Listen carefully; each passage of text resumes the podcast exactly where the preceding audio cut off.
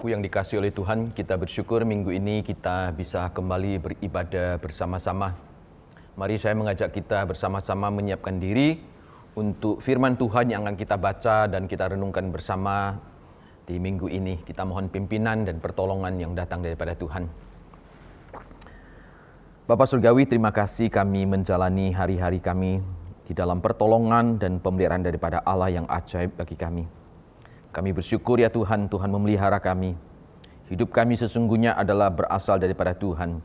Tuhan yang menopang, Tuhan yang menaungi kami. Kami berterima kasih ya Tuhan. Keberadaan kami tetap terjaga dengan baik, kami bersyukur kepadamu. Dan di minggu, di hari perhentian ini kami boleh kembali bersama-sama dengan keluarga beribadah di hadapan Engkau. Tuhan siapkan hati kami, Tuhan berkati kami ya Tuhan. Secara khusus melalui pembacaan dan perenungan akan firman-Mu. Terima kasih Bapa. Di dalam nama Yesus kami berdoa. Amin. Mari Bapak Ibu, Saudaraku yang dikasih oleh Tuhan, kita akan bersama-sama melihat satu bagian firman Tuhan, yaitu dari kitab Rut pasal yang pertama ayat yang ke-16 dan ke-17. Tema renungan kita pada minggu ini adalah berpegang pada kesetiaan Tuhan. Berpegang pada kesetiaan Tuhan. Kita mendasari dari kitab Rut pasal yang pertama ayat yang ke-16 ayat yang ke-17. Firman Tuhan berbunyi demikian. Tetapi kata Rut, Janganlah desak aku meninggalkan engkau dan pulang dengan tidak mengikuti engkau. Sebab ke mana engkau pergi, ke situ juga aku pergi. Dan di mana engkau bermalam, di situ juga aku bermalam. Bangsa mula bangsaku, dan Allah mula Allahku. Di mana engkau mati, aku pun mati di sana, dan di sana aku dikuburkan. Beginilah kiranya Tuhan menghukum aku, bahkan lebih lagi daripada itu, jikalau sesuatu apa pun memisahkan aku dari engkau selain daripada maut. Saudaraku yang dikasih oleh Tuhan, di dalam sejarah pujian gereja, gitu ya, di antara kita mungkin pernah tahu seorang yang bernama Thomas Obadia Chris Home. Dia hidup antara tahun 1866 hingga 1960. Satu usia yang cukup lanjut, yaitu kurang lebih 94 tahun dia hidup di dalam dunia ini. Thomas ini dilahir, dikatakan lahir di satu keluarga yang sangat miskin. Pada masa itu hidup dalam segala kesulitan. Bahkan dikatakan karena kondisi akan kemiskinan yang ada, juga fisik tubuhnya yang sering kali lemah, yaitu sakit. Thomas ini tidak bisa menyelesaikan pendidikan sekolah dasarnya. Namun yang ajaib adalah begini, ketika dia berumur 16 tahun, dia dipercaya sebagai guru untuk mengajar di sekolah dasar pada waktu itu. Lalu ketika dia berumur 21 tahun, dia dipercaya sebagai editor salah satu majalah lokal di kota di mana dia dibesarkan.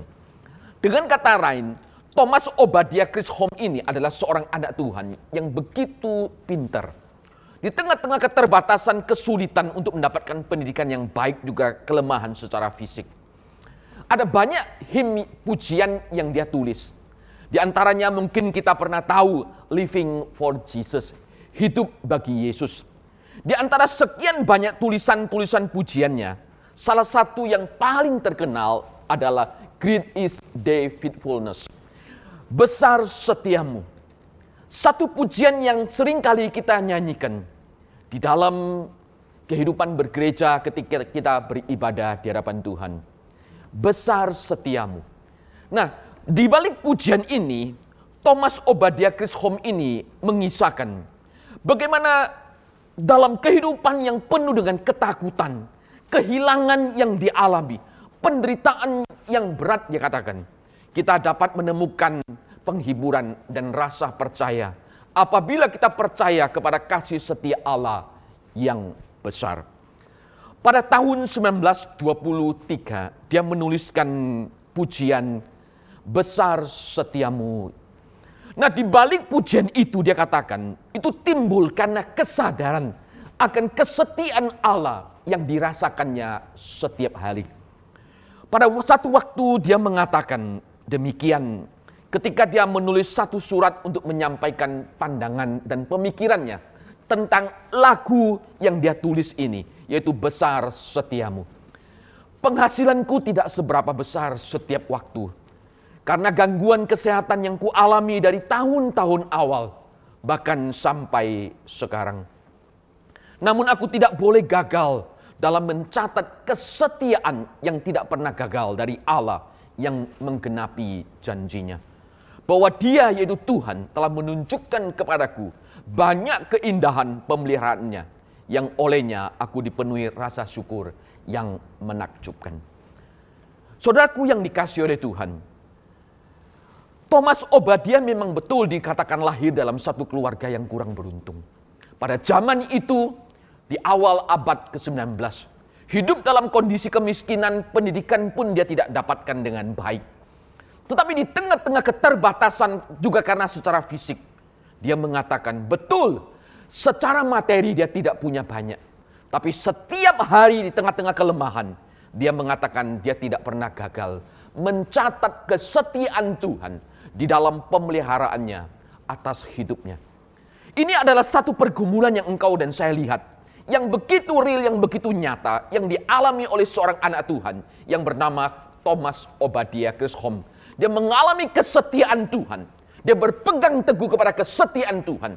Di dalam dia menjalani akan kehidupan hari lepas hari. Maka di situlah dia menuliskan betapa besar setia daripada Allah atas hidup dirinya dan gereja dan orang-orang percaya. Kondisi kehidupan kita hari ini, kita sebagian juga diperhadapkan dengan kesulitan. Nah ketika kita diperhadapkan dengan kesulitan, sebagian orang akan berbuat apa saja demi keluar dari kesulitannya yang ada. Tidak peduli apakah sikap dan tindakan yang diambil tersebut itu bersesuaian dengan karakter keluruhan hati atau identitasnya sebagai anak Tuhan. Sebagian mungkin tidak terlalu peduli. Namun sesungguhnya kita sebagai anak Tuhan, keyakinan kita kepada kesetiaan Tuhan akan menempatkan kita sebagai orang beriman memahami realitas tantangan hidup. Sehingga sebagai orang beriman kita yang telah menerima akan kepastian keselamatan di dalam Kristus kita diberi kekuatan dalam menghadapi semua pergumulan dan tantangan hidup, termasuk pada masa pandemik ini. Karena kita percaya akan janji daripada kesetiaan Allah.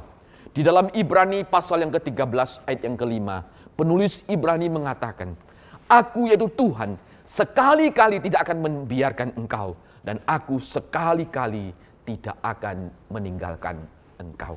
Inilah natur karakter kesetiaan Allah di dalam menopang akan kehidupan orang-orang percaya.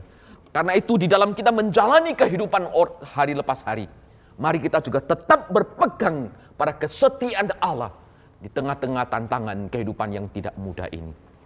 Saudaraku yang dikasih oleh Tuhan, dalam bacaan firman Tuhan kita hari ini, ini adalah mencatat satu kehidupan keluarga Elimelek bersama dengan Naomi.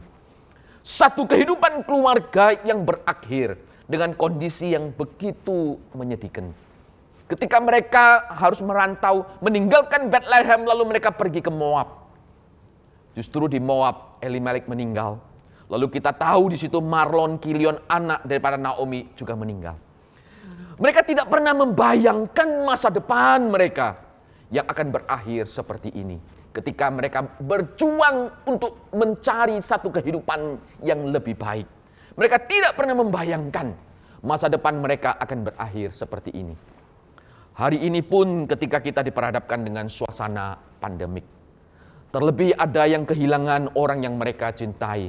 Bahkan di antara mereka ada yang menjadi andalan keluarga. Kita juga sulit membayangkan bukan ketika mereka harus menghadapi kondisi pandemik dan kehilangan orang-orang yang mereka cintai. Nah, di dalam bagian firman Tuhan yang kita baca ini, Naomi ketika menyadari dan tidak tahu bagaimana kondisi masa depannya. Dia berpikir bagaimana harus kembali ke Bethlehem kota asalnya. Nah pada waktu dia ingin kembali itulah dia mendorong kedua menantunya. Baik Orpa maupun Ruth yang masih muda pada waktu itu. Untuk kembali kepada keluarga masing-masing. Mereka masih mempunyai masa depan yang panjang. Dan di situ mereka bisa memulai kehidupan yang baru. Karena Naomi sadar, Naomi tidak bisa lagi menjamin memelihara kelangsungan hidup mereka untuk hari esok mereka. Naomi melakukan tindakan ini adalah memberikan kesempatan kepada Orpa maupun Ruth agar mereka memikirkan hidup dan masa depan mereka masing-masing. Karena Naomi dikatakan sudah tidak bisa menjamin masa depan mereka berdua. Terlebih waktu itu Naomi juga sudah tidak punya anak laki-laki lagi untuk jadikan suami bagi mereka dalam tradisi budaya Levirat pada waktu itu. Pada akhirnya kita melihat Orpa akhirnya mendengar permintaan daripada Naomi ibu mertuanya. Dia kembali pulang ke kampung halamannya. Apakah ada yang salah dengan keputusan Orpa? Saya rasa tidak. Karena ketika engkau dan saya diperhadapkan dengan kondisi yang sama, engkau dan saya kemungkinan besar juga akan mengambil satu sikap yang sama seperti Orpa. Satu tindakan yang begitu wajar. Dia akan memikirkan akan masa depannya. Tetapi yang menarik bagi kita hari ini adalah sikap yang diambil oleh Ruth ketika kita membaca pasal yang pertama ayat yang ke-16 dan yang ke-17. Di situ dia ber, bersikeras untuk terus mengikuti akan ibu mertuanya yaitu Naomi. Bahkan dia berkata, "Jangan desak aku untuk meninggalkan engkau dan pulang dengan tidak mengikuti akan engkau." Pernyataan Ruth ini menyadarkan Naomi bahwa Ruth menyerahkan sepenuhnya hidupnya dan masa depannya hanya kepada Allahnya Israel. Ruth sadar bahwa keputusan mengikuti ibu mertuanya adalah wujud kesetiaan, rasa cinta dan hormatnya. Bukan semata-mata hanya kepada Naomi mertuanya. Lebih daripada itu, kepada Allah Israel. Oleh itu kita melihat pengakuan Ruth pada waktu itu. Ketika dia berkata, Alamu adalah Allahku. Alamulah Allahku. Saya percaya ini bukan sebagai satu bentuk pengakuan yang sesaat. Yang sifatnya sentimental atau sekedar lip service. Bukan. Tetapi ini adalah satu pengakuan. Yang dia sadar, dia siap meninggalkan kehidupannya yang lama. Dia rela menderita semata-mata karena kesetiaannya kepada Allah Israel yang sekarang dia sembah. Komitmen daripada Ruth di dalam bagian ini menunjukkan satu sikap yang tidak mendua. Dia setia kepada Naomi, kepada bangsa Israel, dan kepada Allah Israel. Ruth, mem membuat satu pilihan. Dia siap menerima segala konsekuensi yang ada ketika dia harus meninggalkan akan kampung halamannya. Bahkan di sini dia memanggil Allah Israel sebagai saksi kesetiaannya.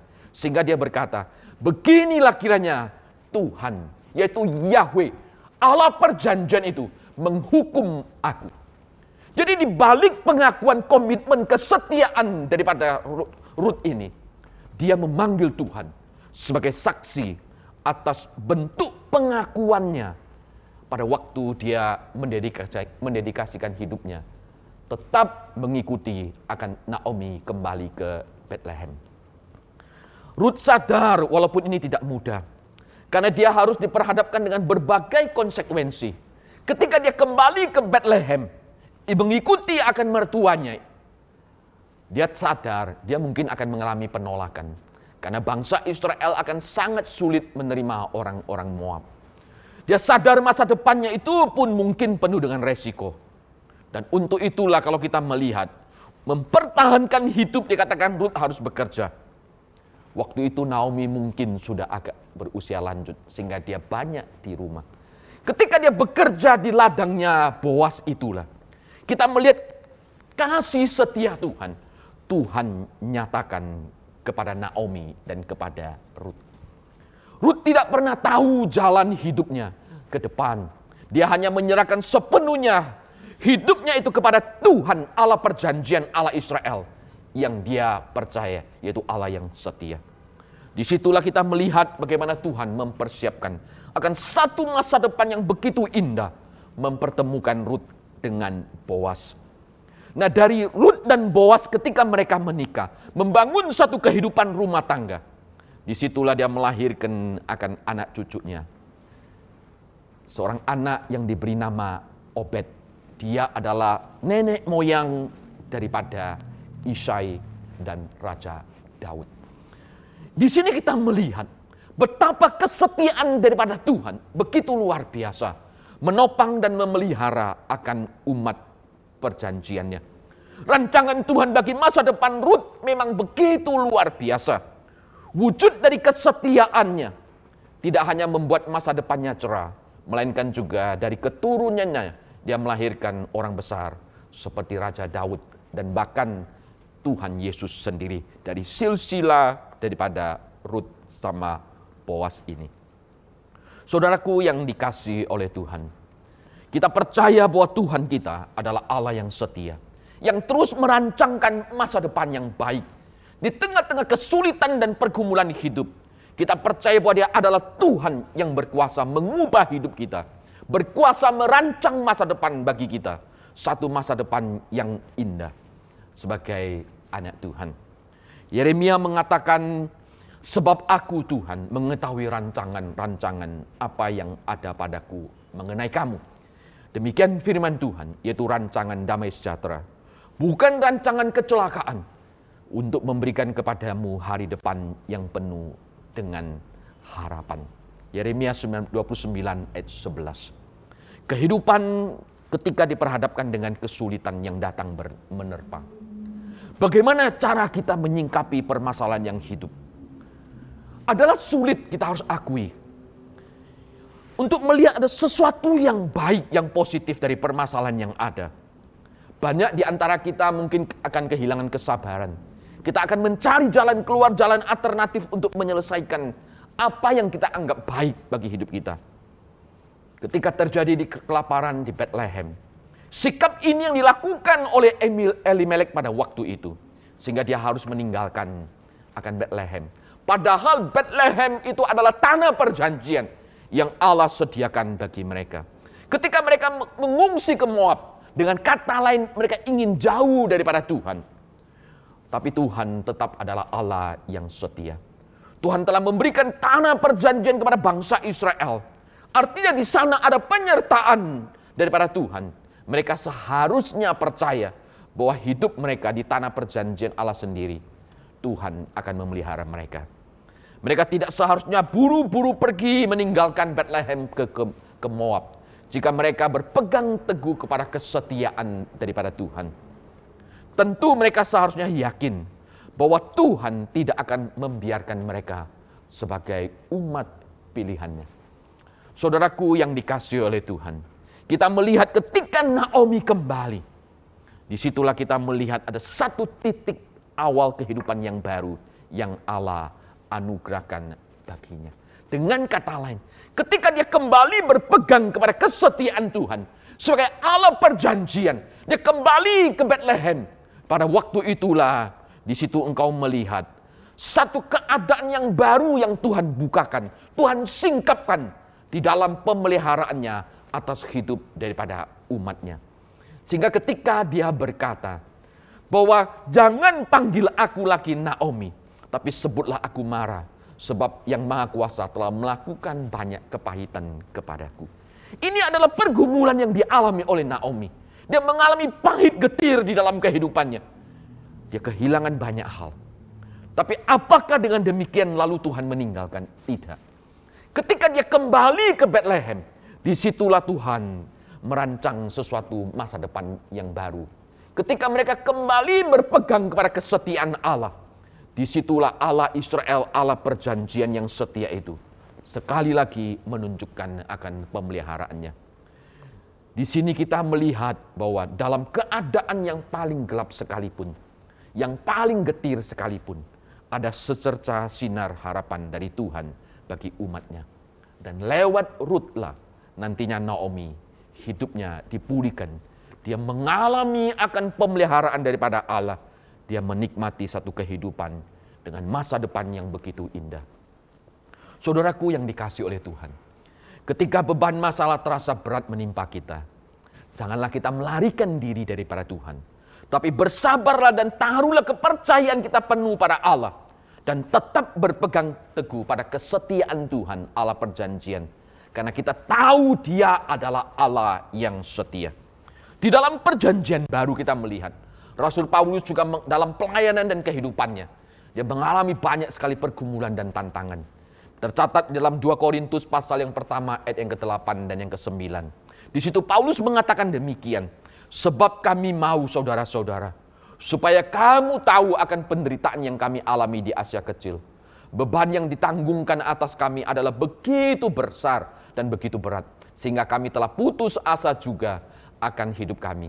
Bahkan kami merasa seolah-olah kami telah dijatuhi hukuman mati. Tetapi hal itu terjadi supaya dia katakan kami jangan menaruh kepercayaan pada diri kami sendiri, tetapi kepada Allah yang membangkitkan orang-orang mati. Jadi kita melihat bagaimana Paulus ketika di tengah-tengah tekanan kehidupan yang begitu luar biasa, bahkan dia mengambilkan hidupnya itu seperti di hukuman mati. Tapi dia katakan, justru itu terjadi supaya kita jangan berpegang kepada bersandar kepada kemampuan diri. Tapi juga berpegang kepada Allah yang telah membangkitkan orang-orang mati. Berpegang teguh kepada kesetiaan Tuhan yang telah memanggil akan hidupnya. Sekalipun saat ini penderitaan kita sedang alami di tengah-tengah masa pandemik yang terus berlangsung. Kita belum tahu sampai kapan akan berlalu. Tapi percayalah bahwa Anda dan saya tetap terpelihara. Karena kekuatan Allah dalam perjanjian hidup yang dia anugerahkan kepada kita sebagai orang-orang percaya. Seperti yang dikatakan juga oleh Rasul Petrus, yaitu kamu yang dipelihara dalam kekuatan Allah karena imanmu, sementara kamu menantikan keselamatan yang tersedia untuk dinyatakan pada akhir zaman. 1 Petrus pasal yang pertama ayat yang kelima. Oleh karena itu marilah kita mempercayakan seluruh hidup kita masa depan kita ke dalam tangan pemeliharaan daripada Allah yang setia. Bukan dari hal yang paling bahkan dari hal yang paling berat sekalipun. Kita tetap berpegang teguh pada kesetiaan Allah atas hidup kita sebagai orang percaya. Karena kita tahu tak berkesudahan kasih setia Tuhan tak habis-habis rahmatnya. Selalu baru tiap pagi besar kesetiaanmu itulah Allah kita bahwa tak akan berkesudahan kasih setia Tuhan atas hidup kita sebagai orang percaya Mari saudaraku yang dikasih oleh Tuhan. Di dalam kita menjalani kehidupan yang ada. Di tengah-tengah pergumulan tekanan bahkan kita kehilangan perspektif terhadap masa depan kita. Berpeganglah pada kesetiaan Tuhan dalam menghadapi hari esok kita. Karena alasan terbaik untuk berharap adalah kasih setia Allah. Kesetiaan Allah yang tidak pernah berubah. Dahulu, sekarang, dan sampai selama-lamanya. Meskipun kesulitan kehidupan datang silih berganti. Mari kita tetap bersyukur atas janji kesetiaan Allah yang memelihara hidup kita. Keberadaan kita tetap terjaga hanya karena ke, dengan kekuatan dari Tuhan. Kita semua akan dimampukan menanggung segala pergumulan hidup. Karena itu saudaraku yang dikasih oleh Tuhan. Seperti pemazmur berkata, Mengapakah engkau tertekan hai jiwaku? Dan mengapakah engkau gelisah di dalam hati dirimu? Berharaplah kepada Allah, sebab aku bersyukur lagi kepadanya, penolongku dan Allahku.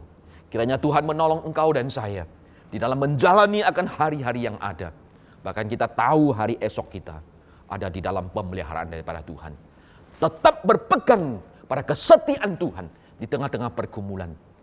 Jangan sekali-kali meninggalkan Tuhan meninggalkan akan perjanjiannya. Di situlah engkau dan saya akan menikmati akan pemeliharaan Tuhan. Kehidupan masa depan yang jauh lebih indah. Yang belum kita pernah bayangkan Allah rancangkan untuk engkau dan saya. Seperti Allah lakukan bagi Naomi dan Ruth ketika mereka kembali ke Bethlehem. Tuhan menolong dan Tuhan memberkati kita semuanya. Amin. Mari kita berdoa sekali lagi. Tuhan kami mengamini Engkau adalah Allah perjanjian, Allah yang setia memelihara kehidupan kami. Tak kala kami tidak setia, engkau tetap setia adanya. Karena engkau tidak bisa mengingkari akan keberadaan natur kesetiaanmu sendiri. Tuhan terima kasih, biarlah Tuhan terus memimpin kami di tengah-tengah masa yang penuh dengan pergumulan. Supaya kami tetap berpegang teguh kepada kesetiaan Tuhan. Di dalam kami menjalani kehidupan yang ada. Terpujilah engkau ya Tuhan, peliharalah akan umatmu di dalam nama Yesus kami berdoa dan mengucap syukur. Amin.